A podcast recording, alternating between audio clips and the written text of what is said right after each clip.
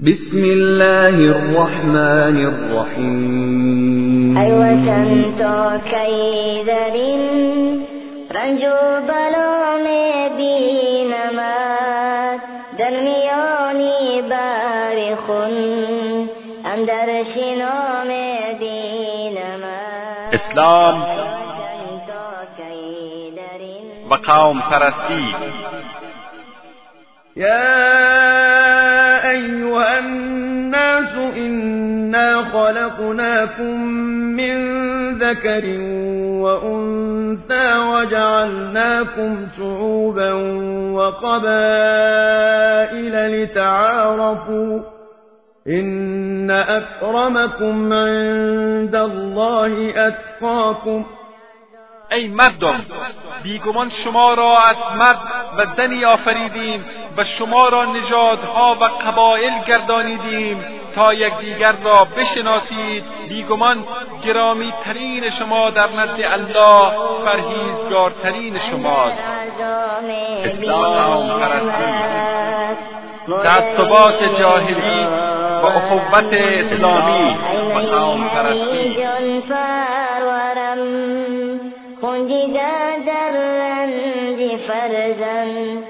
شمالی و جنوبی مشرقی و مغربی تاجک و پشتون ازبک و هزاره و ترکمن و بلوچ و پشهی و عرب همه برادر یکدیگرند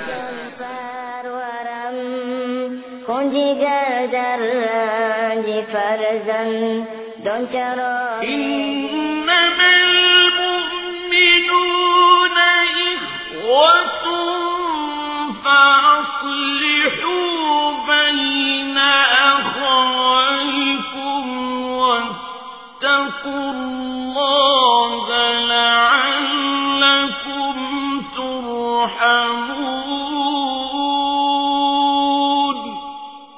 در حقیقت مؤمنان با هم برادرند پس میان برادرانتان صلح و سازش کنید و از الله بترسید تا مورد رحمت قرار گیرید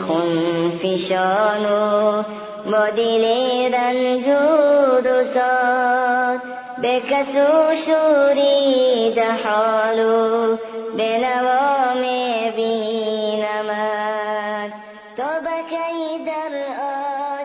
پیامبر صلی الله علیه و آله و سلم میفرماید همه چیز مسلمان بر مسلمان حرام است خونش آبرویش و مالش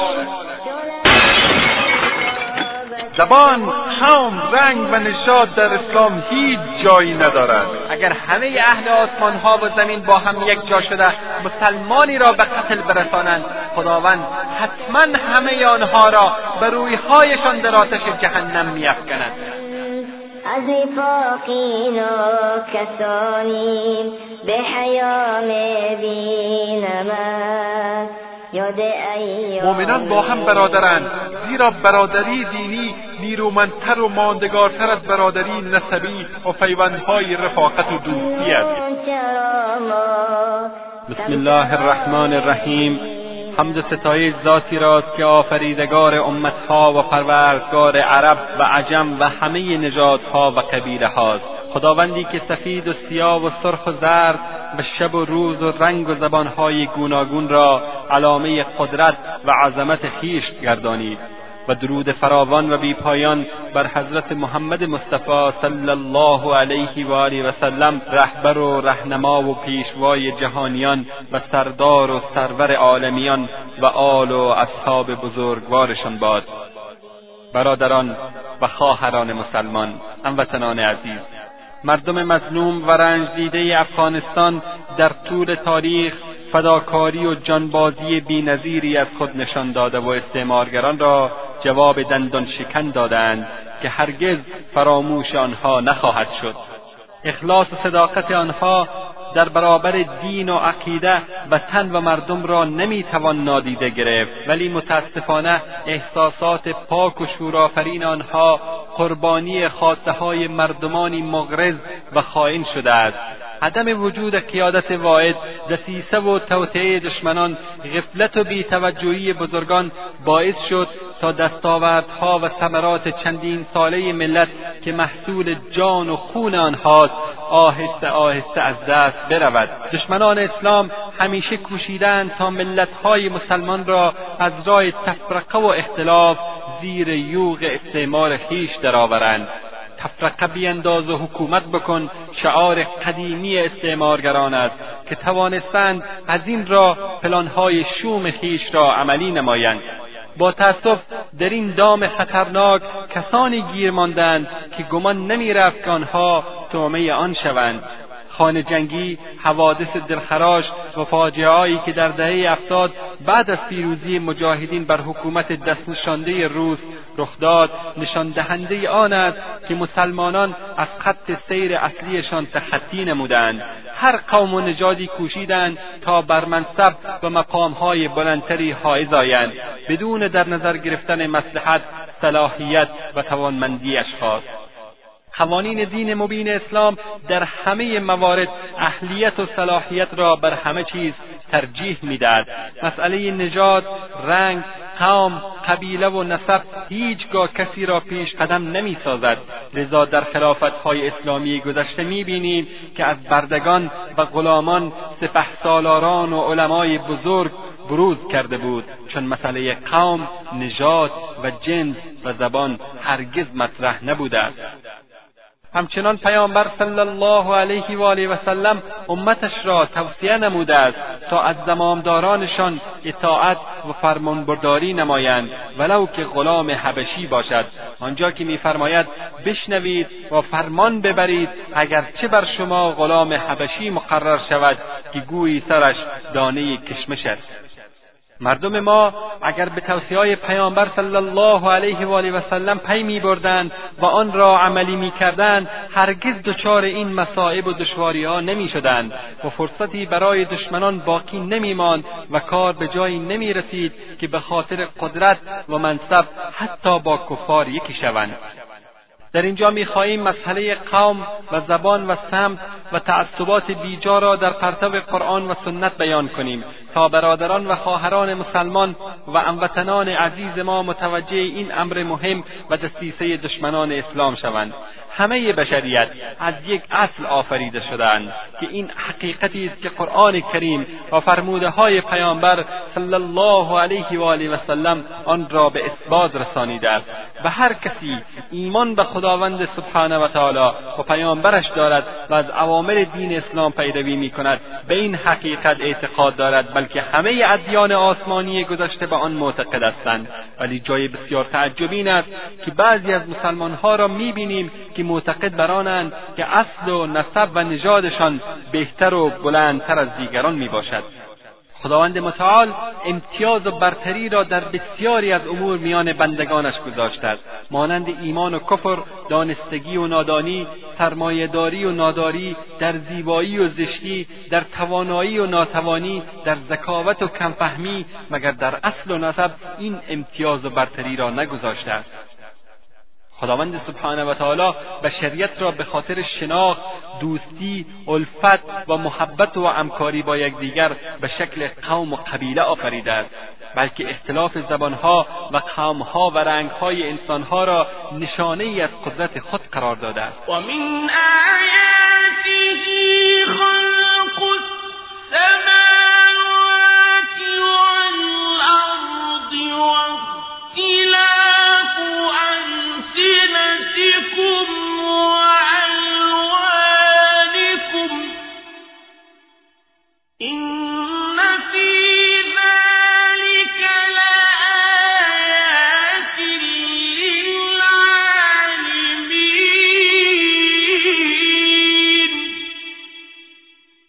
جمله آیات او آفرینش آسمان ها و زمین است و نیز از جمله نشانه های اوست گوناگونی زبانهای شما یعنی زبانهایی که با آن سخن میگویید از عربی و عجمی ترکی و رومی لاتینی و غیره از این زبانها و نیز از جمله نشانه های اوست گوناگونی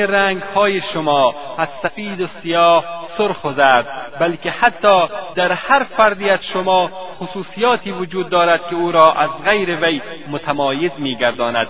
با آنکه همگی شما فرزندان یک مرد و یک زن یعنی آدم و هوا علیهم السلام هستید و همه شما را نوع واحدی با هم جمع می کند که انسانیت است آری اگر این تنوع و گوناگونی نبود بشر با چه مشکلاتی که روبرو نمیشد قطعا در این امر نیز برای دانشمندان نشانه هایی زیرا فقط دانشوران و دانشمندان و صاحبان علم و بصیرتند که های روشن این آیات را بر وجود خدای عزوجل در مییابند مسلمان حق ندارد انسان غیر مسلمان را به خاطر شخصیت یا جنسش تحقیر و توهین نماید بلکه به خاطر اعتقاد باطلش یعنی کفر و شرک وی را توهین و تحقیر می نماید ولی اگر کافر یا مشرکی مشرف به دین مبین اسلام گردید بلا فاصله برادر مسلمان محسوب می گردد مسلمانان ملزم بر این هستند تا با مردمان جنایتکار گنهکار منحرف ظالم و خائن قطع رابطه نمایند هرچند برادر یا از قوم خویش یا از فرزندانشان هم باشند و هرگاه از چنین اعمال دست کشیده و توبه نمودند از محبوبترین مردمان در نزدشان میگردند برادران و خواهران مسلمان هموطنان عزیز اسلام به مساوات و برادری تاکید می نماید و در جامعه مسلمانان چیزی به نام نظام طبقاتی وجود ندارد در حقوق و واجبات همه با هم برابرند و هیچ کسی بر دیگری برتری و فضیلت ندارد مگر به تقوا و پرهیزگاری هر شخصی که خداوند را اضافتر از دیگران عبادت نمود و در رای الله و جهاد در رای او با جان و مال خویش فداکاری نمود همان شخص گرامی و بزرگوار در نزد خداوند می باشد و اگر کسی به این اعمال خوب و شایسته عمل نماید پس برتری بالای دیگران ندارد زیرا وی این اعمال را به خاطر کسب رضامندی خداوند انجام داده است نه اینکه خود را بالاتر از دیگران بشمارد خداوند تبارک و تعالی فرماید یا ایها الناس انا خلقناکم من ذکر و انثى وجعلناکم وجعلناكم شعوبا وقبائل لتعارفوا إن أكرمكم عند الله أتقاكم إن الله عليم خبير ای مردمان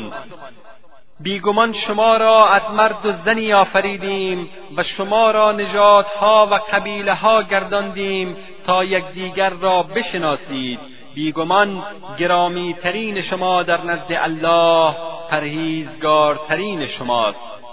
این آیت مبارک یکی از اصول مساوات بین بشر و حقوق انسان را بیان میدارد که بشریت در طول تاریخ از تطبیق آن عاجز بودند و خداوند تبارک و تعالی با یک آیت آن را عملی نمود این آیت مبارک برخلاف آیات دیگری که فقط خطاب به مؤمنان است با لفظ یا ایها الناس یعنی ای مردمان که همه انسانها را هم از کافر و مسلمان عرب و عجم تاجیک و پشتون ازبک و ازاره و ترک در بر میگیرد و همه بشر را متوجه میسازد که اساس برتری رنگ و قوم و زبان نیست بلکه ملاک برتری فقط تقوا و ایمان است بله هر که پرهیزگارتر است در نزد الله جل جلاله بهتر و مکرمتر است و کسی که به قوم و قبیله و اصل و نسب خود مینازد و دیگران را پستر از خود میداند در حقیقت پیرو شیطان و شاگرد ابلیس لعین میباشد زیرا ابلیس اولین کسی بود که به اصل خود افتخار نمود و تکبر ورزید و مستحق عذاب جهنم شد خداوند تبارک و تعالی میفرماید قال ربك للملائکه انی خالق بشرا من طین فإذا سويته ونفخت فيه من روحي فقعوا له ساجدين فسجد الملائكة كلهم أجمعون إلا إبليس استكبر وكان من الكافرين قال يا إبليس ما منعك أن تسجد لما خلقت بيدي استكبرت أن كنت من العالين قال أنا خير منه خلقتني من نار وخلقته من طين قال فاخرج منها فإنك رجيم وإن عليك لعنتي إلى يوم الدين وقتی را به یاد آور که پروردگارت به فرشتگان فرمود من بشر را از گل آفرینم هنگامی که او را برابر کردم و در او از روح خود دمیدم به او به سجده افتید پس تمام فرشتگان همه یک جا سجده کردند مگر ابلیس که تکبر ورزید و از کافران بود خداوند فرمود ای ابلیس چه چی چیزی تو را از سجده به کسی باز داشت که او را من خود با دو دستم آفریدم آیا تکبر کردی یا به پندار خیش از جمله موجودات برتران بودی ابلیس گفت من از او بهترم مرا از آتش آفریده ای و او را از گل آفریده ای خداوند فرمود پس تو از اینجا یعنی بهشت بیرون رو بیگمان تو از درگاه من رانده شده ای و تا روز قیامت لعنت من بر تو دوام دارد در این قصه پند و اندرزی است برای همه مردم به ویژه نجات پرستان و نشنلست ها و کسانی که فتنه های قومی و زبانی و سمتی و تنظیمی را دامن میزنند ابلیس ملعون از جمله عبادت کنندگان و صالحین بود و وظایف بزرگی را خداوند تبارک و تعالی به دوشش گذاشته بود مگر زمانی که خداوند سبحان و تعالی آدم را آفرید ابلیس به این گمان بود که او بر آدم برتری دارد چنانکه خداوند تبارک و تعالی در این آیتی که قرائت شد میفرماید ابلیس گفت من از او بهترم مرا از آتش و او را از گل آفریده ای و هنگامی که خداوند تبارک و تعالی فرشتگان را به سجده نمودن به آدم امر نمود تمامی فرشتگان به سجده افتادند زیرا خداوند جل جلاله آدم را با دست خویش آفریده بود مگر ابلیس عبا ورزید خداوند سبحانه و تعالی میفرماید جز ابلیس که تکبر ورزید و از کافران بود از اینجا میدانیم که کبر و غرور و خودپسندی انسان را به کفر میکشاند شاید بنده را از دایره اسلام هم خارج نماید برتری جستن بعضی مردم بر بعضی دیگر و یا گمان بعضی مردم بر اینکه آنها در جنس قبیله خانواده نسب رشته و رنگ و وطن و نژادشان بر دیگران برتری دارند غرور و تکبر است و آنها را به استکبار میکشاند پس تکبر و غرور و گمان نمودن بعضی بر اینکه وی بلندتر و افضلتر و یا خوبتر و یا مترقیتر و عزتمندتر از دیگران است همه این معتقدات انسان را به کفر و نافرمانی میکشاند غرور و تکبر و برتری جستن بنیاد همه مصائب و پریشانی هاست و یکی از اسباب اساسی کفر و نافرمانی و غضب خداوند جل جلاله می باشد فلهذا مسلمانان نباید بر دیگران خود را بلند بشمارند و احساس نکنند که وی برتر و افضلتر از دیگران است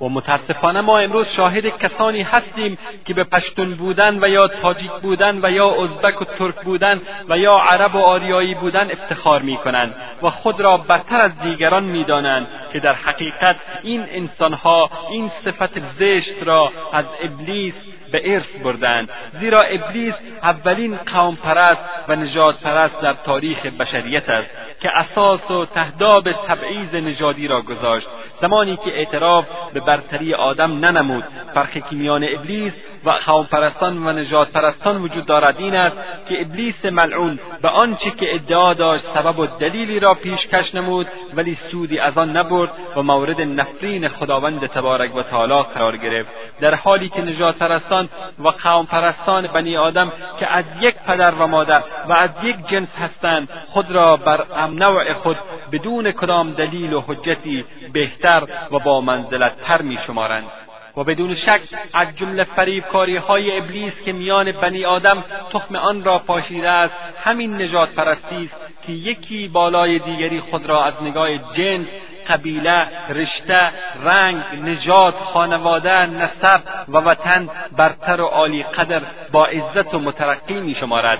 تا گناه و نافرمانی بنی آدم یکسان با جریمه و جنایت و نافرمانی ابلیس باشد زیرا ابلیس فراموش نکرده است که به سبب آدم مورد نفرین و سرد و غضب خداوند تبارک و تعالی قرار گرفت و تصمیم دارد تا انتقام آن را از اولاد آدم بگیرد فلحاظا جنایت قوم پرستان بالاتر از جنایت ابلیس است چون ابلیس معتقد بود که میان آتش و گل فرق زیادی وجود دارد و او بهتر از آدم است در حالی که بنی آدم امنو یکدیگرند و فرقی میانشان از نگاه تکوین و پیدایش وجود ندارد ابلیس این را نیز اعتراف نمود که بندگان پرهیزگار و مخلص خداوند را فریب دادن نمیتواند و بر آنها سلطه و غلبه ندارد از قصه ابلیس در می آید که تنها ایمان به وحدانیت خداوند کفایت نمی کند باید پیروی و فرمانبرداری از اوامر الله و رسولش صورت گیرد و گفتن کلمه طیبه و کلمه شهادت به تنهایی کفایت نمی کند باید مطابق خاص و مقتضای این دو کلمه مسلمانان اعمالشان را انجام دهند قوم پرستان و کسانی که به نام زبان و سمت و نژاد خود را برتر از دیگران میشمارند به راه یهود و نصارا میروند زیرا یهودیان ادعا کردند که پسران خدا هستند و قوم برترند در حالی که الله سبحانه و تعالی میفرماید و من یعمل من الصالحات من ذکر او وهو مؤمن فأولئك يدخلون الجنة ولا يظلمون نقيرا کسی که اعمال شایسته انجام دهد و مؤمن باشد خواه مرد باشد یا زن چنان کسانی داخل بهشت میشوند و کمترین ستمی بدانان نشود یعنی با همه انسانها محاسبه می شود و پاداش هر عمل آنها چه خرد و چه بزرگ چه خیر و چه شر برای ایشان داده خواهد شد همین طور همه نجات پرستان و قوم پرستان با تمامی انواع و اشکالشان با ادعاهای دروغین و بی اساسشان بر خداوند تهمت و افترا بستند که گوی آنها در نژاد و نسبشان بهتر عالیتر مترقیتر و اصیلتر از دیگران هستند آیا هین گونه مفکوره و سخن مشابهت به اخلاق یهود ندارد زیرا یهودیان با همین مفکوره باطل خود را برتر از دیگران شمردند و خون و مال دیگران را برای خود حلال گردانیدند مسلمانان پرست امروزی نیز همچو اعمال ناشایسته را انجام میدهند خون یکدیگر را میریزند یکدیگر را ذبح میکنند مال و دارایی یکدیگر را به غارت یغما میبرند به خاطر عداوت و دشمنی قبیلوی یکدیگر را از خانه و کاشانه و قریه و وطنشان بیرون میرانند و فرقی که در میانشان وجود دارد این است که قومپرستان امروزی در جنگهایشان اسیران را در برابر سربها یا مال تبادله نمیکنند بلکه آنها را اکثرا به قتل میرسانند زیرا دشمنی و حقد عمیقی که در دلهایشان جایگزین است آنها را به این کار وادار میسازد یعنی مسلمانان قومپرست امروزی در تغیان بغاوت قومپرستی ظلم و تجاوز بالاتر از یهود هستند و ملت مظلوم ما شاهد این گونه اعمال زشت و وحشیگری ها بودند که عدهای به نام قوم و زبان و سمت و تنظیم مرتکب جنایت های عظیمی شدند زیرا قوم پرستان و نجات پرستان امروزی مانند حیوانات درنده و وحشی شدند که دین عقیده و اخلاق را فراموش نمودند مهمترین مسئله در نزد آنها کامیابی و تفوق بر دیگران است و در این را از هیچ وسیلهای دریغ نمی کنند آنها مسلکی را به پیش گرفت که سرانجامش به ویرانی زوال و فرود آمدن غضب الهی در دنیا و آخرت می شود بر پیشوایانشان و رهبرانشان چنان حب ریاست و زعامت و باداری حکم فرماز که حتی عقل و حواسشان را از دست دادند دین ایمان و هدف را فراموش نمودند شیطان طوری بر آنان مسلط است که به هر راهی که بخواهد آنها را با خود میکشاند حتی به خاطر چو چوکی و منصب و پول خود را به یهود و نصارا فروشند و حتی وطن و ناموس خود را در اختیار بیگانه قرار دهند و ملت ما این انسانهای پست و رزیل و منافق و دل را خوب میشناسند و دیدند که چگونه دار و ندار خود را به کفار فروختند و در این راه علمای کار و دجال صفت و منفعتجو رول اساسی را بازی کرده و کنند تا به ریاست عزت و قدرت برسند آنان مردمان زیر دست و عامه خود را میفریبند و آنها را از حقایق بیخبر نگه میدارند و مسائل را برای آنها طوری جلوه میدهند که گویا آنها بر حقند و دیگران بر باطل تا به خاطر به دست آوردن خواهشاتشان از آنها استفاده نمایند و تابع عوامرشان باشند به این وسیله ملت خود را فریب میدهند که از بارگاه رب العزت میخواهیم هر چه زودتر شر آنها را از سر ملت مظلوم ما کم کند و به فرعون و حامان و بلعم با او را پیوستشان گرداند برادران و خواهران مسلمان اگر به تاریخ درخشان اسلام نظری اندازیم میبینیم که اسلام عزیز در اولین روزگارش صحیب رومی بلال حبشی سلمان فارسی و ابوبکر عربی رضی الله عنهم اجمعین را زیر یک بیرق لا اله الا الله محمد رسول الله در آغوش کشید تبعیض و تعصب و قوم نژاد و رنگ و وطن قبیله و غیره را خاتمه داد و نور اسلام در هر قریه شهر و قبیله و خانه درخشید پیامبر بزرگ اسلام صلی الله علیه و آله و سلم فرمودند آن که دعوت به عصبیت نماید از ما نیست و آن که بر عصبیت بجنگد از ما نیست و آن که بر عصبیت بمیرد از ما نیست یعنی هر که برای تعصبات قومی و زبانی بجنگد و دعوت نماید و در آن حالت بمیرد از امت محمد صلی الله علیه و آله و سلم نمی باشد این گونه بود که کاسه نجات پرستی و قوم پرستی و زبان پرستی با تمام اقسام و انواعش فرو ریخت و از هم پاشید و از همان وقت وطن مسلمان تنها سرزمینی که او بالای زندگی می کند نبوده بلکه در هر سرزمینی که میتواند احکام دین خود را عملی نماید و در هر کجایی که باشد خواه در شرق یا در غرب جهان همانجا وطنش است زیرا ار ملک ملک ماست که ملک خدای ماست روی این اساس مسلمانان با پدر مادر برادر خواهر و فرزندانی که مشرک و کافر باشند قطع رابطه نموده براعت خود را از آنها اعلان می نمایند و شاید فقط به منظور هدایت آنها به سوی دین حق دوستی و ارتباط را قطع ننمایند و با کسانی که مؤمنند پیمان برادری میبندند و خداوند در بسیاری از آیات قرآن کریم این موضوع را روشن ساخته است مانند ابراهیم علیه السلام که کفر پدرش اعلان براعت نمود زیرا پدرش اصرار به بتپرستی داشت و نوح علیه السلام از خانم و پسرش اظهار براعت و بیزاری نمود زیرا آن دو به کفر اصرار داشتند چنانچه آسیه زن فرعون که زنی مؤمن بود از شوهرش اظهار براعت کرد و در عصر پیامبر بزرگ اسلام صلی الله علیه و آله و نمونه نمونههای بیزاری از کفر و شرک خیلی زیاد است وقتی جنگ بدر رخ داد و مسلمانان تحت قیادت پیامبر صلی الله علیه و آله و با مشکین قریش که در ضمن آنها پدران و پسران و خویشاوندانشان حاضر بودند جنگیدند زیرا آنها در صف مشکین قرار داشتند به همین خاطر خداوند تبارک و تعالی آنها را در قرآن کریم مدح و ستایش می نماید چنانکه میفرماید محمد رسول الله والذین معه اشداء على الكفار رحماء بینهم تراهم ركعا سجدا يبتغون فضلا من الله ورضوانا فيما هم في وجوههم من أثر السجود ذلك مثلهم في التوراة ومثلهم في الإنجيل كزرع أخرج شطأه فآزره فاستغلظ فآزره فاستغلظ فاستوى على سوقه يعجب الزراع ليغيظ بهم الكفار وعد الله الذين آمنوا وعملوا الصالحات منهم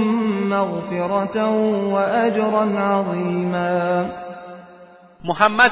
فرستاده الله است و کسانی که با او هستند در برابر کافران تند و سرسخت و نسبت به یکدیگر مهربان و دلسوزند ایشان را در حال رکوع و سجود میبینی آنان همواره فضل الله را میجویند و رضای او را میطلبند نشانه ایشان را بر اثر سجده در پیشانیهایشان نمایان است این توصیف آنان در تورات است و اما توصیف ایشان در انجیل چنین است که همانند کشتزاری هستند که های خود را بیرون زده و آنها را نیرو داده و سخت نموده و بر ساقههای خویش ایستاده باشد به ای که دهقانان را به شگفت میآورد تا کافران را به سبب آنان خشمگین کند خداوند به کسانی از ایشان که ایمان بیاورند و کارهای شایسته بکنند آمرزش و پاداش بزرگی را وعده میدهد اما متاسفانه امروز حالت مسلمانان دگرگون شده است میبینیم که عدهای به دنبال هر کافر و مرتد و منافقی میروند و وقتی به آنها گفته شود که فلان عمل رهبر یا بزرگ و قمندان شما اشتباه و خلاف شریعت است پس چرا از او پیروی میکنید میگویند او از قوم و قبیله ماست یا هم زبان ماست و یا فارسی زبان و تاجیک خودمان است ولی آن دیگری به خاطر اینکه فلان خائن وطن فروش شما منافق پشتون و امزبان اوست از او دفاع می کند و به دنبال او می رود و همین فکر باطل سبب شد که وقتی رهبرانشان راه باطل را برگزیدند همه به دنبال آنها رفتند و اگر با هر کفری دست دادند آنان نیز از او پیروی کردند در حالی که الله سبحانه و تعالی مسلمانان را از دوستی با کفار و منافقین منع نموده است ولو که پدر و برادر و از قوم ما باشند لا تجد قوما يؤمنون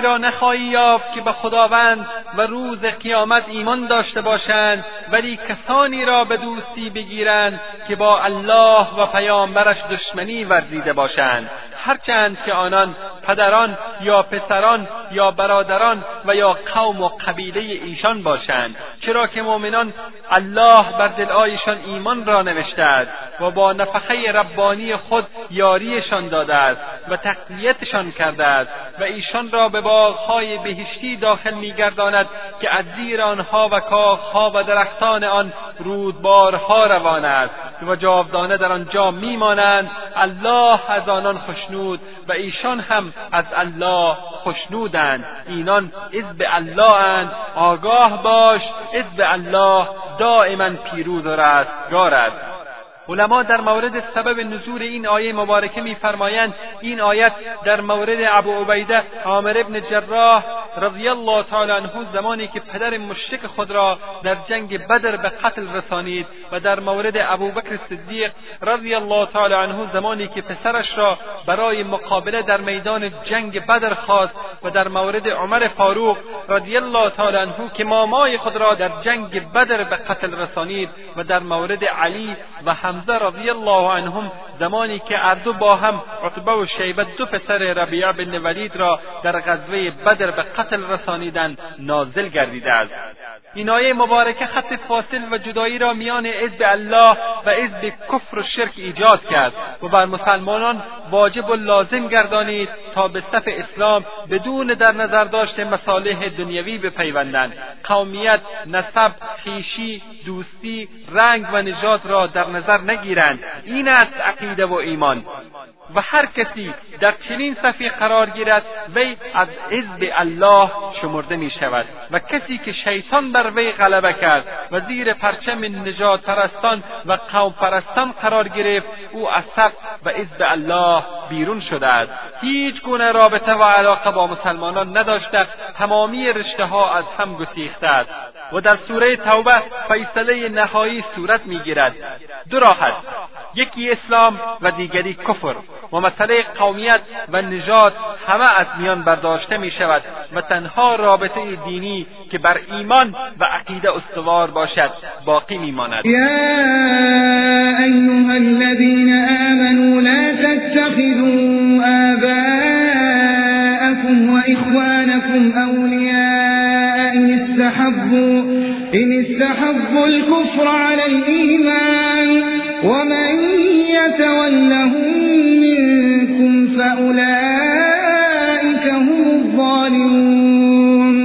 ای مؤمنان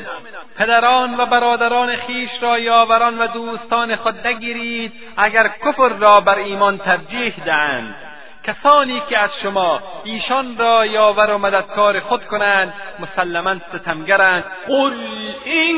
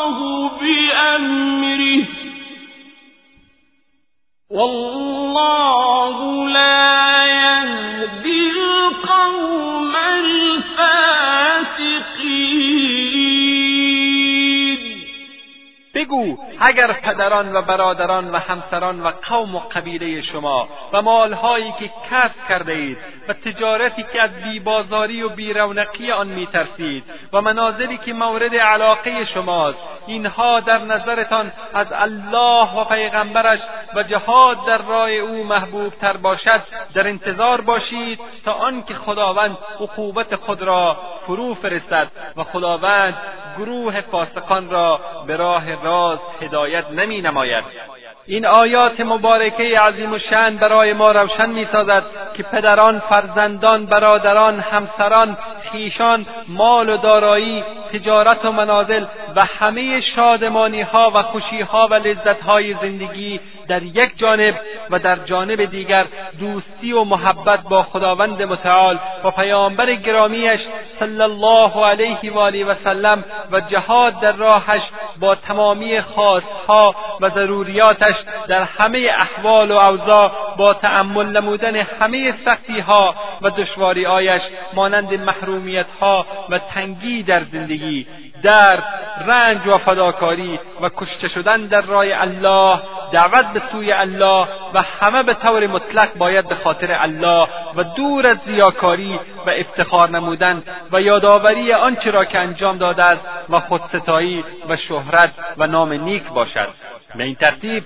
اولین دولت اسلامی که پیامبر بزرگمان حضرت محمد مصطفی صلی الله علیه و آله و سلم تهداب و بنیاد آن را گذاشتند و برقرار قرار مستحکم گردید برادری ایمانی یگانه پیوست حقیقی میان مسلمانان بود چنانکه همه مسلمانان از برادران فرزندان پدران و همسران و اقربا و خویشاوندان کافرشان که به الله و رسولش ایمان نیاوردند اعلان بیزاری و قطع روابط نمودند و مایه افتخار و سربلندیشان همانا نسبت و داخل شدن آنها به دین و آیین بزرگ و مقدس اسلام بود با این چنین مفکوره و ایمان توانستند قدرتهای بزرگ آن زمان را واژگون کنند و تا شرق و غرب زمین حکومت عدل الهی را مستحکم و پابرجا نمایند ای مسلمانان اگر خواهان عزت و سربلندی هستید باید هر گونه تعصبات قومی و زبانی را کنار بگذارید ای پشتونها ای تاجیکها و ها و ادارهها و ای بلوچها و ای ملت مسلمان افغانستان تعصب و دشمنی را کنار بگذارید دست در دست برادران مؤمن و مجاهد خود دهید و دنبال این نباشید که عرب است یا عجم ازبک است یا پشتون یا از هر گوشه دنیا و هر قومی که باشد باشد و رها کنید منافقین و مرتدینی را که گرچه از قوم و امزبانتان باشند اما امکار یهود و نصارا و دشمن ناموس و ملت خویشند در مقابلشان قیام کنید رسوایشان گردانید همانطور که الله سبحانه و تعالی در قیامت آنها را رسوا خواهد کرد دوستی با مؤمنان و دشمنی با کفار و منافقان را از اصحاب پیامبر صلی الله علیه و آله و سلم بیاموزید که چگونه در مقابل پدران و برادران و قوم مشرک خیش شمشیر کشیدند و به خاطر خشنودی الله سر از تن آنها جدا کردند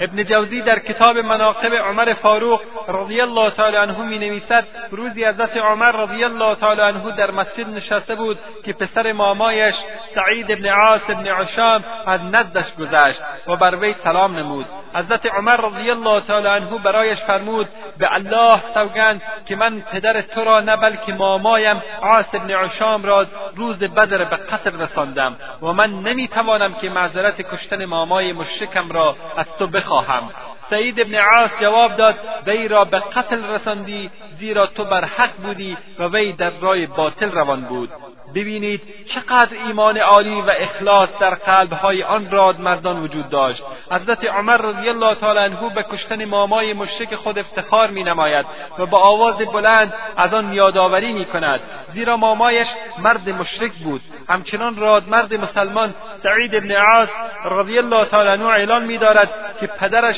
مرد مشرکی بود و در گمراهی قرار داشت و عمر فاروق رضی الله تعالی عنه بر حق و در راه حق قرار داشت این است ایمان این است اخلاص در رای الله بدون در نظر داشت خیشاوندی قرابت قومیت و نجات ابن اسحاق از صحابی جلیل القدر سعد ابن ابی وقاص حکایت می کند که فرمود به الله سوگند یاد می نمایم که در کشتن هیچ شخصی کوشا نبودم طوری که در کشتن برادرم عطبه ابن ابی وقاص حریص و کوشا بودم عتبه مردی منفور و زشتی در قومش بود و من زمانی از وی بیزار و بینیاز شدم که پیامبر صلی الله علیه و آله و سلم در غزوه احد فرمودند غضب و قهر خداوند بر کسانی شدت یافت که روی پیامبرش را خونآلوده نمودند ببینید که سعد آرزوی کشتن برادر مادری خود را داشت زیرا او دشمن الله و پیامبرش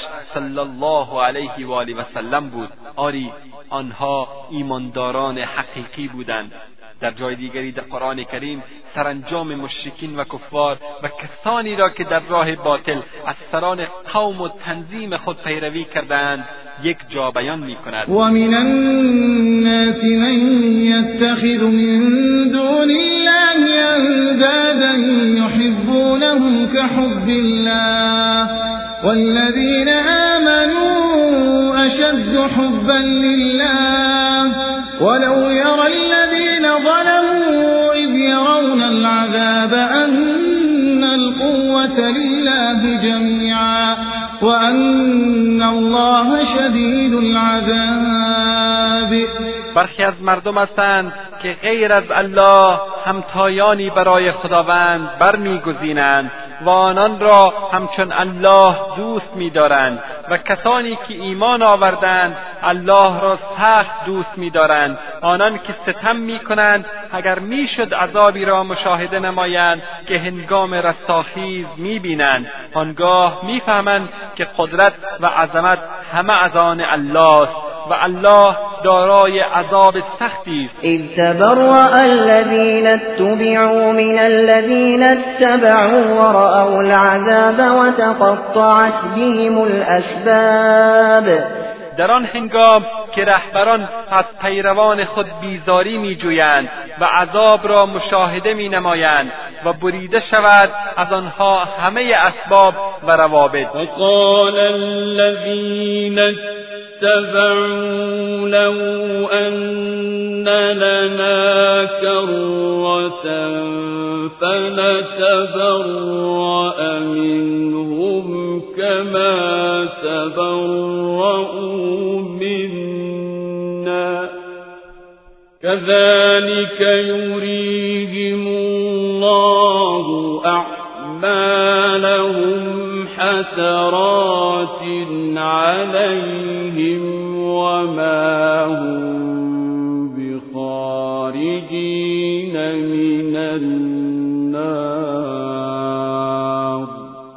این موقع پیروان میگویند کاش بازگشتی به دنیا می داشتیم تا از آنان یعنی از رهبران خیش بیزاری جوییم همان گونه که آنان از ما بیزاری جستند این چنین خداوند که دارهایشان را به گونه حسرتزا و اندوه باری نشان میدهد و آنان هرگز از آتش دوزخ بیرون نخواهند آمد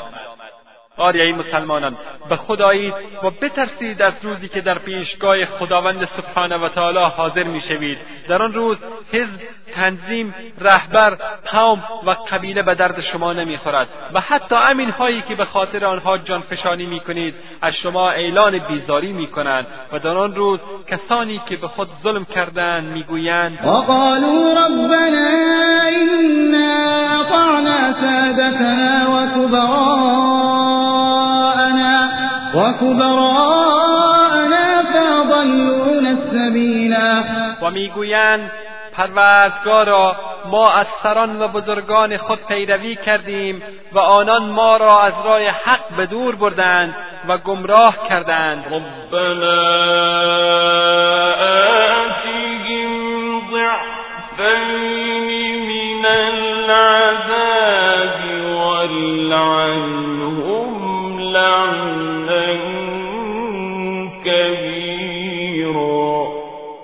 پروردگارا آنان را دو چند عذاب کن و ایشان را کاملا از رحمت خود به دور دار و کمترین ترحم به ایشان ننما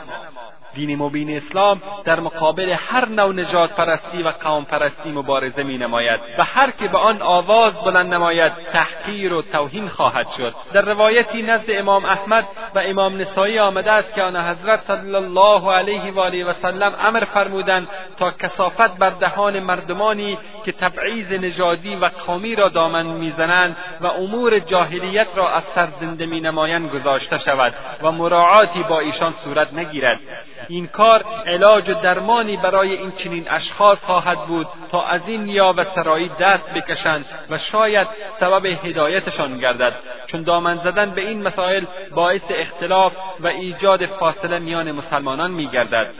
همچو روایات از عمر رضی الله تعالی عنه و عبی ابن کعب رضی الله تعالی عنه نیز آمده است که در مقابل این چنین مردمان از نرمی کار نگرفتند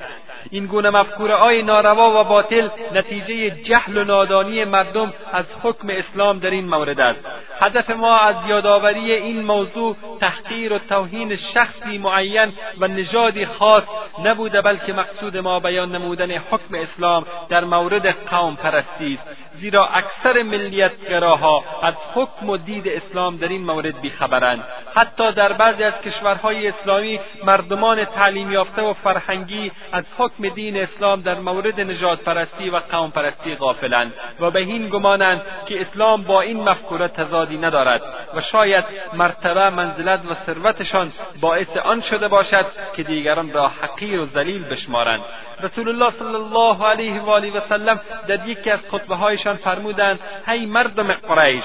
خداوند تکبر و غرور جاهلیت و افتخار به پدران را از شما دور کرده است همه مردم از آدم علیه السلام و آدم از خاک آفریده شده است و در جای دیگر میفرمایند خداوند تعصب جاهلیت و افتخار به پدران را از شما دور نموده است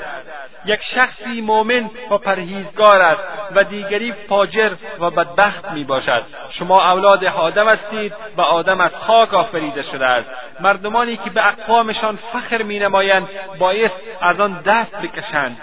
همانا پیشینیان آنها زغالی از آتش دوزخند و یا خارتر از پانغزکی که با بینی خود ترگین را میغلطاند در نزد خداوند هستند و خب پیامبر صلی الله علیه و آله و سلم میفرمایند آن که دعوت به عصبیت می نماید و در راه عصبیت می جنگد و در راه عصبیت کشته می شود از ما نیز یعنی کسی که برای تعصبات قومی و تنظیمی و زبانی بجنگد و به آن دعوت نماید و از آن دفاع کند و در این راه کشته شود از امت محمد صلی الله علیه و آله و سلم نمی باشد و خب پیامبر صلی الله علیه و آله و سلم در مورد یاری و کمک خواستن از قوم و قبیله در ظلم و تجاوز بر دیگران فرمودند این چنین سخنان بدبو و نفرت انگیز را بگذارید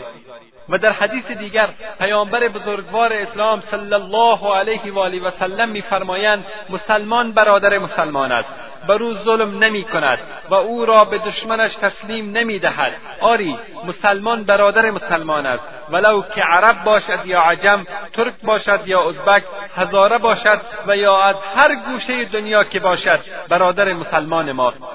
امام مسلم از آن حضرت صلی الله علیه و آله و سلم چنین روایت کرده است همه ارزش های یک مسلمان مالش آبرویش و خونش بر مسلمان دیگری حرام است و پیامبر صلی الله علیه و آله و سلم به ابوذر رضی الله تعالی عنه فرمودند ای ابوذر بدان که تو بهتر از سرخ رنگ و سیاه رنگ نیستی مگر اینکه در پرهیزگاری بر او برتری داشته باشی و فرمودند دشنام دادن مسلمان فسق و جنگ با وی کفر است و در روایت دیگر پیامبر صلی الله علیه و آله و سلم فرمودند با همدیگر دشمنی و حسد و همچشمی ننمایید و ای بندگان خدا با هم برادر باشید و همچنان آن حضرت صلی الله علیه و آله و سلم میفرمایند برای مسلمان روا نیست که بیش از سه شبانه روز برادرش را ترک کند که با هم روبرو شوند و از همدیگر روی گردانند و بهترشان کسی است که به سلام آغاز می کند پیامبر صلی الله علیه وسلم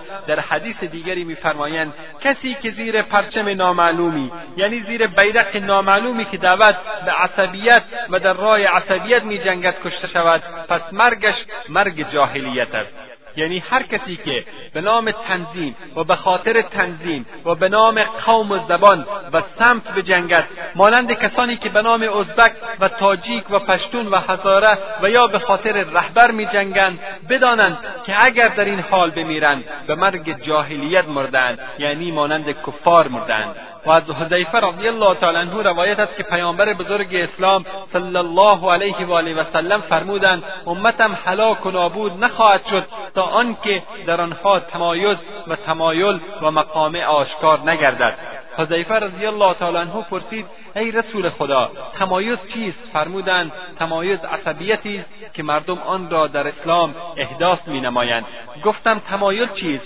فرمودند یک قبیله بر دیگری هجوم آورد و بر آن غالب گردد و همه حرمت و ارزشهایش را مباه و حلال میداند پرسیدم مقامع چیست فرمودند حالی شهرها در مقابل یکدیگر بیرون میآیند و در جنگ میان همدیگر دست و گریبان میشوند این حقیقت را ملت مظلوم ما به خوبی درک می کنند زیرا عده زیادی از ملت ما قربانی جهالت و تعصبات تنظیمی و زبانی و سمتی شدند گاهی به نام قوم گاهی به نام تنظیم گاهی به نام رهبر و گاهی هم به خاطر خودخواهی قماندان صاحب به جان همدیگر افتادند برای بسیاری از آنها حکم رهبر بالاتر از حکم الله سبحانه و تعالی و رسولش صلی الله علیه و آله و سلم بود به طور مثال برادر مسلمان خود را میکشتند مال او را غارت میکردند به ناموسش تجاوز میکردند در حالی که برایتان بیان نمودیم که الله سبحانه و تعالی و رسول محبوبمان صلی الله علیه و آله و جان و مال و ناموس مسلمان را بر مسلمان حرام قرار دادند رهبر پرستی و تنظیم پرستی و قوم پرستی آنها و محبت به چوکی و قدرت و منصب به حدی رسیده بود که در اعتلافات ننگین با هر کافر و منافق و مرتدی یک جا شدند و بالاخره برای رسیدن به اهداف شوم خود با کفار دست همکاری و کمک دادند با آرمان جهاد و به خون بیش از دو میلیون شهید و مجروح خیانت کردند و دین و وطن خود را به صلیبیهای های وحشی فروختند و نه تنها فروختند بلکه با کفار در سرکوبی ملت مجاهد خود کمک نیز کردند در بمبارد مناطق مسکونی مردم بیگناه برای بیگانه جاسوسی نمودند در جلو سربازان کثیف امریکایی خانه به خانه به عزت و شرف هموطن خود تجاوز کردند مگر این فرموده رسول الله صلی الله علیه و آله و سلم را نشنیده بودند که میفرماید یک فردی از مؤمنان به مسابه سر در جسد انسان است چنانکه جسد درد سر را احساس می کند فرد مؤمن نیز احساس همدردی با سایر مؤمنان دارد و یا نشنیدند که آن حضرت صلی الله علیه و آله و سلم فرمودند ایمان شما کامل نمیگردد تا اینکه ترحم به یکدیگر نداشته باشید اصحاب کرام فرمودند یا رسول الله همگی ما ترحم دارند آن حضرت فرمودند ترحم آن نیست که دوست با دوستش مینماید بلکه ترحم آن است که به عامه مردم رحم نماید متاسفانه این قضیه در مملکت ما کاملا برعکس بود جان و مال و ناموس یکدیگر را برای خود حلال قرار داده بودند فقط به این دلیل که طرف مقابل هم زبان او نیست یا از گروه و تنظیم او نمی باشد در حالی که رسول الله صلی الله علیه و آله و سلم میفرمایند فتنه برمیخیزد که مردم بر اساس انگیزه های جاهلیت یعنی بر اساس تعصبات قومی و زبانی با هم میجنگند کشته شدگان این جنگ در دوزخند و مخاطب رسول اکرم صلی الله علیه و آله و سلم در این حدیث مبارک همه آن کسانی که به خاطر رهبر و قوم و زبان می جنگند و در حدیث دیگری پیامبر صلی الله علیه و آله و سلم به طور واضح بیان می کنند که فقط آن کس مجاهد فی سبیل الله است که برای اعلای کلمت الله بجنگد پس پیامبر صلی الله علیه و سلم در مورد مردی پرسیده شد که به خاطر اظهار نمودن دلیری و شجاعت اطاعتش و یا به خاطر طرفداری از قوم و به خاطر ریا می جنگد کدام اینها در راه الله است آن حضرت صلی الله علیه و آله و سلم فرمودند آن که بجنگد تا کلمت الله یعنی کلمه توحید بر سر و بلند شود پس آن در راه الله است آری برای مجاهد فی سبیل الله هرگز مسائل قوم و زبان و سمت و تنظیم و رهبر مطرح نیست آنچه برای او مهم است اعلای کلمت الله می باشد و بس مجاهد واقعی با دوستان خدا دوست و با دشمنان الله دشمن می باشد و هرگز از رهبر و تنظیم و خان و ملک و قمندان خود در آنچه که در آن نافرمانی الله و رسول الله صلی الله علیه و آله و سلم باشد اطاعت نمی کند پیامبر صلی الله علیه و آله و سلم میفرمایند مثال ها در محبت و رحمت و مهربانیشان به همدیگر مانند یک جسد است که هرگاه عضوی از آنها به درد ضاید دیگر اعضای جسم در تب و بیدارخوابی با آن امراهی می کند و یا شاعری مفهوم این حدیث شریف را چه زیبا به نظم میکشد آنجا که میگوید بنی آدم اعضای یکدیگرند که در آفرینش یک جوهرند که عضوی به درد آورد روزگار دیگر عضوها را نماند قرار تو که مهنت دیگران بیغمی نشاید که نامد نهند آدمی و خب پیامبر صلی الله علیه و آله و سلم در حدیث دیگری میفرمایند کسی از شما مؤمن شمرده نمی شود تا اینکه دوست داشته باشد برای برادر مسلمانش آنچه که برای خیش دوست میدارد و در حدیث دیگری که ترمیزی روایت کرده است پیامبر صلی الله علیه و آله و سلم میفرمایند که من شما را به پنج سخنانی که خداوند مرا به آن امر نموده امر نمایم جماعت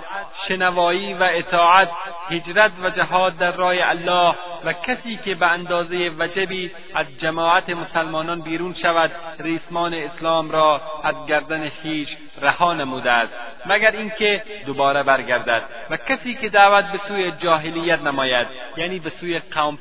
و زبانپرستی و سمتپرستی، پس او از زانو زدگان دوزخ خواهد بود سپس از پیامبر صلی الله علیه و آله و سلم پرسیده شد اگر نماز را هم ادا نماید و روزم بگیرد فرمودند اگر نماز ادا نماید و روزم بگیرد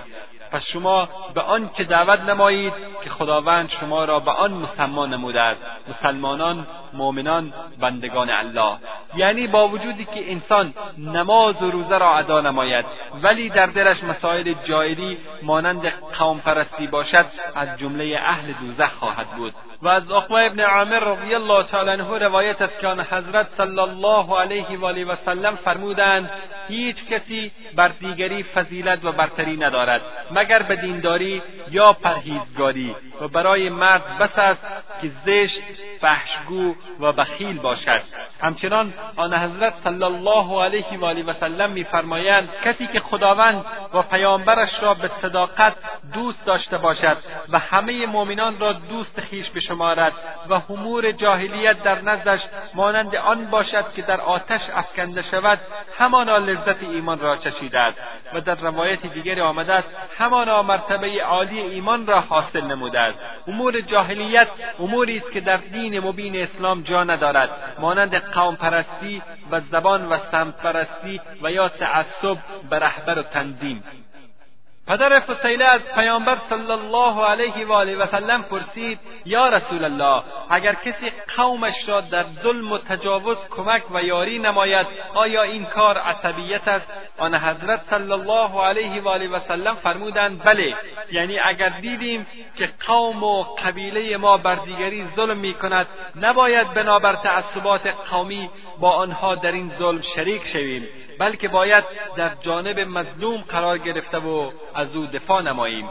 و کسانی که به دنبال مسائل قومی و زبانی و تمسیاند میکروب های جامعه که اگر در زودترین فرصت از بین نروند همه ملت را گرفتار رنج و مصیبت و مرض میکنند به همین دلیل امیر مؤمنین عمر رضی الله تعالی عنه امر نمود تا گردن قوم پرستان از دم شمشیر کشیده شود عمر رضی الله تعالی عنه در یک از نامایش که به سعد بن ابی وقاص رضی الله تعالی عنه سر لشکر مسلمانان فرستاد چنین نوشتند اگر میان قبایل فتنهای شعلهور شد که هر دو جمع شدند و صدا زدند وای به فلان یعنی دعوت به تعصب و قومپرستی نمودند پس بدان که این راز شیطان به آنهاست و گردنهایشان را از دم تیغ شمشیر بیرون آر تا آنکه به امر خداوند و به امر امام برگردند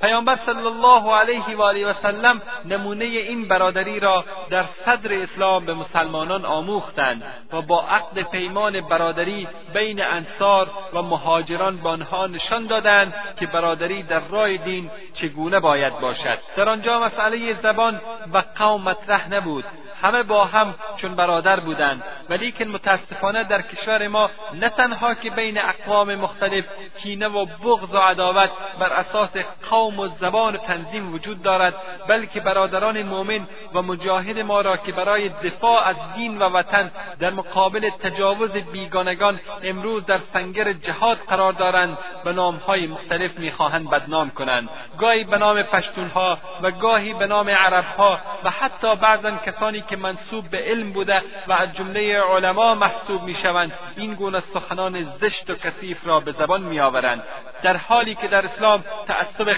قومی و نژادی و سمتی وجود نداشته همه توده ها با زبان و رنگ های مختلفشان زیر یک پرچم قرار دارند دوستی و محبت کمک و تعاون یاری و همرزمی از وجیبه های دینی آنهاست خداوند تبارک و تعالی میفرماید کنتم خیر امت أخرجت للناس تأمرون بالمعروف وتنهون عن المنكر وتؤمنون بالله شما بهترین امتی هستید که به سود انسانها آفریده شده اید امر به معروف و نهی از منکر می نمایید پس ای مؤمنان شما بهترین امتها هستید زیرا به خوبی ها یکدیگر را رهنمایی می نمایید و از بدی ها باز می دارید و ایمان به الله دارید احکام شریعت او را در همه شئون زندگیتان عملی می نمایید امت اسلامی به خاطر مبادی ایمان ترحم عدالت و مساوات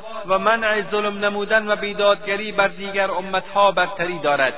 به همین منظور امت اسلامی منحصر به یک عنصر یا خون یا ملت نبوده هر کسی که ایمان به خداوند و فرشتگان کتابها و پیامبران و روز قیامت و آنچه خیر و شر از جانب خداوند مقدر شده است داشته باشد منصوب به این امت است هرچند سرزمین پیدایش زبان و نژادش از هر جایی که باشد عرب باشد یا عجم تاجیک باشد یا ازبک یا هزاره و پشتون و کسانی که به نام قوم و زبان بدی دیگران توهین میکنند و یا آنها را خار و ذلیل میشمارند و قوم و وطن خود را از آنها برتر میدانند باید بدانند که یا از اسلام بیخبرند و حقیقت آن را درک نکردند یا اینکه آله دست دشمنان اسلام قرار گرفتند و دانسته یا ندانسته به آنها خدمت میکنند زیرا در اسلام اصیل بلال حبشی صحیب رومی سلمان فارسی و دیگر صحابه رضی الله عنهم اجمعین مانند قریشی ها زندگی می نمود بودند و فرقی در میان وجود نداشت زیرا برتری و فضیلت در تقوا و پرهیزگاری است خداوند متعال میفرماید لن تنفعكم ارحامكم ولا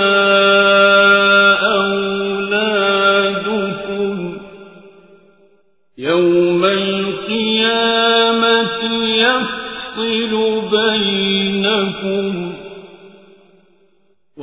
والله بما تعملون بصیر هرگز خویشاوندان و فرزندانتان سودی به حالتان نخواهد داشت روز قیامت الله در میانتان قضاوت و داوری خواهد کرد و الله میبیند هر کاری را که خواهید کرد در روز قیامت مردم به نام تنظیم و گروه و زبان و قوم و سمت تقسیم نمیشوند رهبر و قمندان و ملک و خان سودی به حال کسی رسانده نمیتواند حتی که خودشان درمانده و عاجز خواهند بود یک طرف مؤمنان بر اساس تقوا و ایمان که عاقبت به جنت میروند و در جانب دیگر ملحدین مردمان منحرف کافران و بیدینان و منافقین و دینفروشان قرار دارند که با مسلمانان ارتباطی ندارند بلکه دشمنان الله و رسولش و مسلمانانند هرچند از فرزندان برادران و خویشاوندانمان هم باشند زیرا سرنوشت آنها دوزخ است چنانچه الله سبحانه و تعالی در آیه 22 سوره مجادله به واضح این مسئله را بیان نموده است لا تجد قوما یؤمنون بالله والیوم الاخر یوادون من حد الله یوادون من حد الله ورسوله ولو كانوا آباءهم أبناءهم أو إخوانهم أو عشيرتهم أولئك كتب في قلوبهم الإيمان وأيدهم بروح منه ويدخلهم جنات تجري من تحتها الأنهار خالدين فيها رضي الله عنهم ورضوا عنه أولئك حزب الله أنا إن حزب الله هم المفلحون مردمانی را نخواهی یافت که به خداوند و روز قیامت ایمان داشته باشند ولی کسانی را به دوستی بگیرند که با الله و پیامبرش دشمنی ورزیده باشند هرچند که آنان پدران یا پسران یا برادران و یا قوم و قبیله ایشان باشند چرا که مؤمنان الله بر دلهایشان ایمان را نوشته است و با نفخه ربانی خود یاریشان داده است و تقویتشان کرده است و ایشان را به باغهای بهشتی داخل میگرداند که از زیر آن و کاخها و درختان آن رودبارها روان است و جاودانه در آنجا میمانند الله از آنان خشنود و ایشان هم از الله خشنودند اینان عزب الله اند آگاه باشید عذب الله دائما پیروز و رستگار است از اینجاست که مسلمانان با داشتن چنین عقیده راسخ و محکم توانستند دنیا را تحت تصرفشان درآورند و قدرتمند و عزتمندترین مردمان جهان گردند زیرا مسئله نژاد قوم قبیله و وطن مطرح نبود و انگامی که از دین و عقیدهشان دور شدند خاری و ذلت به آنها روی آورد و هرگز عزت و شوکت و قیادت را به دست نخواهند آورد تا آنکه به دین و آیین خود برگردند دوستی و دشمنیشان خاص به خاطر الله باشد با هر مسلمانی محبت و دوستی داشته باشند و با هر کافر و منافق و مشرک اعلان دشمنی را نموده اظهار بیزاری از آنها را نمایند هرچند از نزدیکترین اشخاص به آنها باشند زیرا برادری در عقیده بلندتر و بزرگتر از برادری در خون و نسب است ابن اسحاق میفرماید هنگامی که پیامبر بزرگ اسلام صلی الله علیه و آله و سلم از غزوه بدر با اسیران برگشتند آنها را میان یارانشان تقسیم نموده فرمودند با آنها رفتار نیک نمایید ابو عزیز ابن عمیر که برادر صحابی جلیل مصعب ابن عمیر رضی الله تعالی عنه است در جمله اسیران جنگی بود وی از خود حکایت می نماید برادرم مصعب از نزدم گذشت در حالی که من در حسارت شخصی از انصار قرار داشتم برادرم به مرد انصاری گفت با دو دست وی را محکم گیر زیرا مادرش زنی پولدار است شاید او را در مقابله مال تبادله نماید ابن حشام میگوید عزیز که از جمله لوابرداران مشرکین بود زمانی که این سخن را از برادرش مصعب شنید گفت ای برادرم سفارشت در مورد من همین طور است مصعب جواب داد این شخص انصاری قبل از تو برادر من است الله اکبر این است ایمان و عقیده صحیح اسلامی به این ترتیب برادری دینی بلندتر و قویتر از برادری نسبی گردید چنانکه ابا عبیده ابن جراح رضی الله تعالی عنه با پدر مشرکش در غزوه بدر جنگید و او را به خاطر رضای خداوند متعال به قتل رسانید و هنگامی که کشته شدگان این غزوه را در چاهی میافکندند پدر وی نیز ضمن آنها بود ابا عبیده رضی الله تعالی عنه این حالت را با دو چشمش نگاه میکرد ولی در سیما و قلبش تغییر تغییر رخ نداد زیرا میدانست که پدرش در راه باطل کشته شده است از کجایند کسانی که به نامهای مختلف نفاق را در بین مسلمانان دامن میزنند مگر آیات قرآن به آنها نرسیده است مگر احادیث پیامبر صلی الله علیه و آله و سلم را نشنیدند مگر از زندگی اصحاب کرام رضی الله عنهم اجمعین بیخبرند ای افغانها ای پشتونها و تاجیکها و ازبکها و ها و ترکمنها و بلوچها بیایید و به اصل اسلام برگردید بیایید و پیرو قرآن و سنت رسول اکرم صلی الله علیه و آله و سلم باشید و اختلافات قومی و زبانی را به دور افکنید و به خاطر برپایی حکومت اسلامی و اخراج متجاوزین دست در دست همدیگر دهید و مشت محکمی بر دهان و سرایان بکوبید که میخواهند به نام پشتون و تاجیک و عرب و پاکستانی در بین مسلمانان و مجاهدان تفرقه کنند و بهترین انصار برای بهترین مهاجرین در این زمان باشید و خاطرات تلخ دیروز درس عبرت بگیرید و نگذارید که دشمنان اسلام باز به نامهای مختلف ما را به جان هم بیندازند و خود شاهد تباهی ما باشند و ملت ما رنج این بدبختی ها را بسیار چشیدند و میدانند که نتایج ناگوار قوم و امایی بر اساس سمت و زبان و ملیت و نژاد همانا کشتار و خونریزی تجاوز و بیدادگری است که همه شاهد این حقیقت بودند جنگهای خانمانسوز روزی که در افغانستان بعد از سقوط حکومت کمونیستی به وقوع پیوست منجر به قتل و ویرانی های بیشماری شد همه نتیجه همین ملیت و قوم پرستی بود رهبر و یا کلان هر قوم به خاطر به قدرت رسیدن یا تصرف نمودن مناطق بیشتر و یا مقدس دانستن شخص خودش و غروری که در دلهایشان جاگزین شده بود مردمان بیچاره و عامه را تحریک و تشویق به جنگهای خونین میکردند و هر طرفی خود را بر حق و مقابل را بر باطل معرفی میکرد و جنبه دیگر جنگهای خونین و ویرانگری که در کشور اسلامی افغانستان صورت گرفت باعث و سبب اساسی آن همانا غلبه منصب دوستی و چوکی پرستی بعضی از رهبران بود که بصیرت و عقل خویش را از دست دادند و خیانت بزرگ را به دین و عقیده خیش مرتکب شدند افغانها معروف و مشهور به دینداری هن. مگر مردمان قوم پرست و منافق آنها را فریب دادند و خیلی از مردم ما در مورد حکم و نظریه دین اسلام در مورد قوم پرستی و زبان پرستی هیچ معلوماتی ندارند و این دلیل واضحی است که علمای افغانستان و به صورت عام همه علمای امت اسلامی در مورد از بین بردن این مرض و وبای مهلک هیچ توجهی نکرده سهلنگاری نمودند این مرض بد و تباه کن دامنگیر همه امت اسلامی شده است همه مسئولیت بالای علما و دعوتگران است که باید متوجه شوند و در پی از بین بردن این مرض بد که ملت اسلامی را پارچه پارچه کرده است برایند اگر علما و دعوتگران متوجه مسئولیت بزرگشان نشوند طبیعی است که جنگهای خونین و کشتار جنایت تبایی و ویرانی هرچی بیشتر ادامه پیدا نموده با نامهای مختلف و زیر پردههای متنوع به این اهداف شوم پیاده خواهد شد و اگر مردم به خود نیایند و تاوه نکنند و از این جنایات دست بردار نشوند انتظار مصائب تفرقه بلاها عداوت و دشمنی های بیشتری را داشته باشند چنانکه روشن و آشکار دیدیم که در پی همین جنگ های خانمانسوز دشمنان دیگری که در کمین و در پی فرصت بودند موقع را مناسب شمردند و اطراف درگیر در جنگ را تشویق و تحریک نمودند و اهداف ف شوم و ناپاک خود را به پیش بردند و اگر آنها رضای خداوند و مصلحت ملی را در نظر می داشتند از مطالب خیش می و در مقابل برادران مسلمان خیش تنازل می یا اینکه میدان را برای کسانی می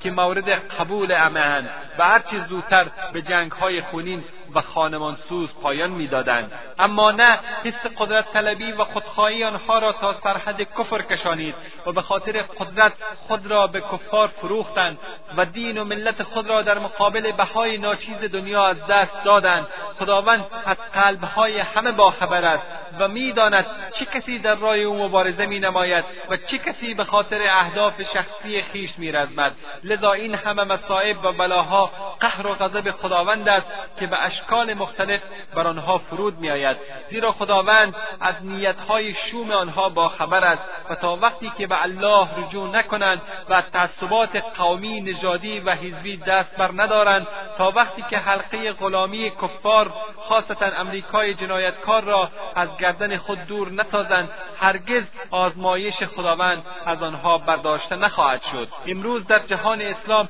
جنایات عجیب و غریبی رخ میدهد به نامهای مختلف وزیر پرده اسلام و دین خیانت به دین و مسلمانان صورت میگیرد با ریش و لنگی در زیر بیرق کفار قرار میگیرند کاشکی مردم عام بودند و مولوی و استاد و پرفیسر نمیبودند ولاکن با تأسف باید بگوییم میدانند ولاکن عمل نمیکنند برادران و خواهران مسلمان در جنگ هایی که بین مسلمانان بر اساس قوم پرستی و تعصبات تنظیمی و زبانی رخ میدهد عده زیادی کشته میشوند حال ببینیم که حکم الله سبحانه و تعالی درباره این قتل ها چیست ومن من یقتل مؤمنا متعمدا فجزاؤه جهنم فجزاؤه جهنم جهنم خالدا فيها وغضب الله عليه ولعنه وأعد له عذابا عظيما و کسی که مؤمنی را از روی قصد بکشد جزای او دوزخ است و جاودانه در آنجا میماند و خداوند بر او خشم میگیرد و او را از زحمت خود محروم میسازد و عذاب عظیمی را برای وی تهیه و آماده نموده است از ابن مسعود رضی الله تعالی عنه روایت است که پیامبر صلی الله علیه و آله و سلم فرمودند اولین چیزی که در روز قیامت در میان مردم بدان حکم می شود خونهاست و سبب در شروع نمودن فیصله در مورد خونها این است که عظمت این مسئله از بزرگترین دادخواهی است که بندگان الله ارتباط دارد را در مورد ریختن خون مسلمان و کشتن وی بیم داده شده است از ابو هریره رضی الله تعالی عنه روایت است که آن حضرت صلی الله علیه و آله و سلم فرمودند همه چیز مسلمان بر مسلمان حرام است خونش آبرویش و مالش و همچنان آن حضرت صلی الله علیه و آله و سلم میفرمایند دشنام دادن مسلمانان فسق و جنگ با وی کفر است از برای ابن عاذب رضی الله تعالی عنه روایت است که پیامبر صلی الله علیه و آله و فرمودند زوال شدن دنیا بر خداوند تعالی حقیرتر از کشته شدن مؤمنی به ناحق است و از ابو هریره رضی الله تعالی عنه روایت است که پیامبر بزرگوار اسلام صلی الله علیه و آله و فرمودند کسی که در کشتن مؤمنی با گفتن نیم کلمه یاری و کمک نماید در روز قیامت با خداوند در حالی روبرو می شود که بین دو چشمش نوشته شده است ناامید از رحمت الله سفیان به می میفرماید مثلا بگوید ب یعنی کلمه بکش تمام نشود از ابی بکر رضی الله تعالی عنه روایت روایت است که پیامبر صلی الله علیه و آله و سلم فرمودند اگر همه اهل آسمان ها و زمین با هم یک جا شده مسلمانی را به قتل برسانند خداوند حتما همه آنها را به رویهای ایشان در آتش میافکند و از ابی دردا رضی الله تعالی عنه روایت است که پیامبر صلی الله علیه و آله و سلم چنین میفرمودند هر گناهی امید است که مورد آمرزش خداوند قرار گیرد مگر مردی که مشرک بمیرد یا مؤمنی را به قصد کشته باشد پس چگونه خواهد بود حال کسانی که دستانشان با خون هزاران انسان بیگناه آغشته است شاید کسانی باشند که بگویند که آنچه ما انجام دادیم به امر رهبر یا قمندان بوده و ما معمور بودیم و باید اطاعت میکردیم و از این قسم انسانها در گروهها و تنظیمها فراوان یافت میشود که بدون در نظر داشت صحیح بودن عملشان فقط به خاطر اطاعت از رهبر و قمندان آن را انجام میدادند به همه آنها میگوییم اطاعت و فرمانبرداری خداوند و پیامبر بزرگش صلی الله علیه و آله و سلم مقدمتر و اولاتر از همه مردمان است و هر سخن یا امری که مخالف فرمودای خداوند سبحانه و تعالی و رسولش صلی الله علیه و آله و سلم باشد جایش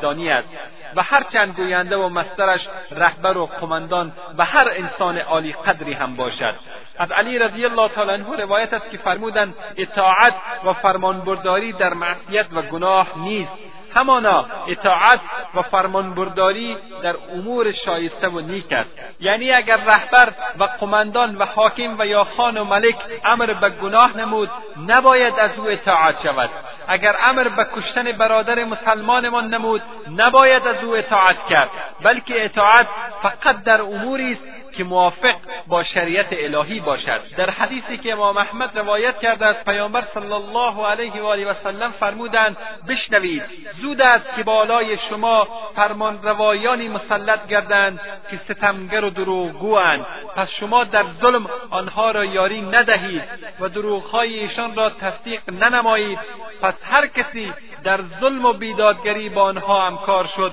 و سخنان دروغ آنها را تصدیق نمود هرگز بر سر حوض با من روبرو نخواهد شد بناعا اطاعت و فرمانبری از بزرگان قبایل و پیشوایان و رهبران در آنچه که گناه است و اشتراک در جنگ و خونریزی و عداوت و دشمنی با قبایل و ملیتهای دیگر و یا گرد بر اساس نژاد ملیت قبیله و تعصب قومی و زبانی و مبارزه در این را همه جنایت بزرگی است که باعث قهر و غضب الهی می شود مسلمان هرگز در راه نژاد ملیت رنگ و زبان جنگ و مبارزه نمی کند بلکه هدف و مرادش برتری کلمه توحید از بین بردن ستم و بیدادگری و تجاوز و تأمین امنیت و صلح می باشد مسلمان همیشه میکوشد تا در مقابل مجرمین مردمان منحرف و کفار مبارزه نماید و از دین و عقیده خیش دفاع کند کتاب الله و سنت پیامبر بزرگ اسلام صلی الله علیه و آله و سلم قانون و دستورش است یگان نمونه و الگوی زندگیش همانا پیامبر صلی الله علیه و آله و سلم و اصحاب گرانقدر رضی الله تعالی عنهم اجمعین میباشند این گونه مسلمان راستین از عوامر و دستورهای خداوند و رسولش پیروی می نماید داور و فیصلگر در نزدش قرآن و سنت پیامبر صلی الله علیه و آله و سلم است هر وقتی که کشمکش و یا اختلافی در گرفت با عدم دلتنگی و ناراحتی به فرمان الله و رسولش گردن می حق انتخاب و اختیار را به خود نمی سخنان بزرگان و پیشوایان و رهبران را مقدمتر به فرامین الهی و پیامبرش نمیداند بنابراین مسلمانان هر سخن یا امری را که با قرآن و سنت تصادم و تعارض داشته باشد رد مینمایند شریعت را در همه امور زندگیش داور و دستور قرار میدهد هر رأی و نظری را که عاطفه یا روشهای نژادی یا ملیتخواهی با همه انواع و اشکالش بر آن غالب باشد ترک مینماید زیرا مسلمان واقعی میداند که رسول الله صلی الله علیه و و سلم کعبه شریفه را مخاطب قرار داده و فرمودند همانا خداوند تو را ارجمند و بزرگ قرار داده است و حرمت مؤمن بزرگتر از تو است و همچنین پیامبر صلی الله علیه و آله و سلم خانه کعبه را مخاطب قرار داده و فرمودند خوشا به تو ای خانه که چقدر پرعظمتی و چه بسا حرمت داری یقینا که حرمت مؤمن ارجمندتر و بزرگتر از حرمت توست و کسی که در جنگ هایی که اساس آن به قوم و زبان و سمت برپا شده باشد کشته می شود جایگاهش دوزخ بوده و از رحمت الله سبحانه و تعالی محروم می باشد جنگ و مبارزه در راه قوم و تنظیم کاری زشتی است اگرچه در ظاهر نزد بعضی مردم خوب جلوه کند در حالی که خوبی و نیکویی همان است که خداوند و پیامبرش آن را تایید نمودند و اما آنچه را ما خوب میپنداریم خوب شده نمیتواند بیایید به این قصه گوش فرا دهیم ابن اسحاق از عاصم ابن عمر القتاده روایت میکند که در صفوف لشکر مسلمانان در غزوه احد شخصی ناشناس به نام قزمان که کسی او را نمیشناخت وارد جنگ شد پیامبر صلی الله علیه وسلم انگامی که از وی یاد میشد میفرمودند که وی از جمله اهل دوزخ است خودمان که مردی نیرومند و شجاع بود توانست به تنهایی هشت یا هفت نفر از جنگجویان مشرکین را به قتل رساند و هنگامی که خودش زخم برداشت نتوانست به جنگ ادامه دهد سپس به یکی از خانه های بنی زفر انتقال داده شد بعضی از مسلمانان وی را توصیف نموده گفتند ای قزمان به خدا سوگند که امروز خیلی رد میدی و او را مژده دادند مگر هو گفت مژده به خاطر چی به خدا به خاطر دفاع از شرف قومم جنگیدم و اگر این کار نبودی نمی جنگیدم و چون زخمها وی را بیتاب ساخت تیری را گرفته و خودکشی نمود این هست حال آنانی که در رای وطن یا قوم یا هر رای دیگری به جز هدف برتری دین الله میرزمند هرچند در زیر پرچم اسلام و حتی در لشکر پیامبر صلی الله علیه و آله و سلم و در ردیف اصحاب کرام رضوان الله علیهم اجمعین بجنگند و عدهای زیاد بودن قوم و قبیله خود را دلیل گرفته و سعی در به دست آوردن حکومت و زورگویی بالای دیگران میکنند و دیگران را که اندکند به دید تحقیر مینگرند که این مفکوره آنها نیز هیچ ارزشی در اسلام ندارد زیرا در اسلام ملاک برتری اکثریت یا اقلیت نیست بلکه ایمان و تقوا ملاک اصلی برتری در نزد الله سبحانه و تعالی می باشد و شاید روی اکثریت اشتباه کنند طوری که در قرآن کریم به این موضوع اشاره شده است و این تطع اکثر من فی الارض یضلوک عن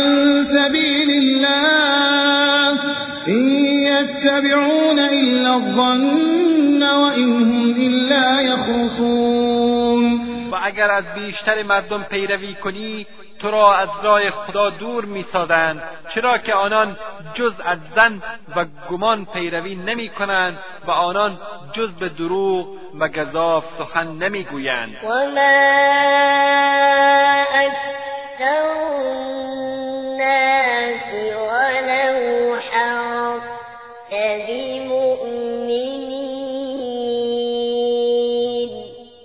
هرچه که تلاش کنی بیشتر مردم ایمان نمیآورند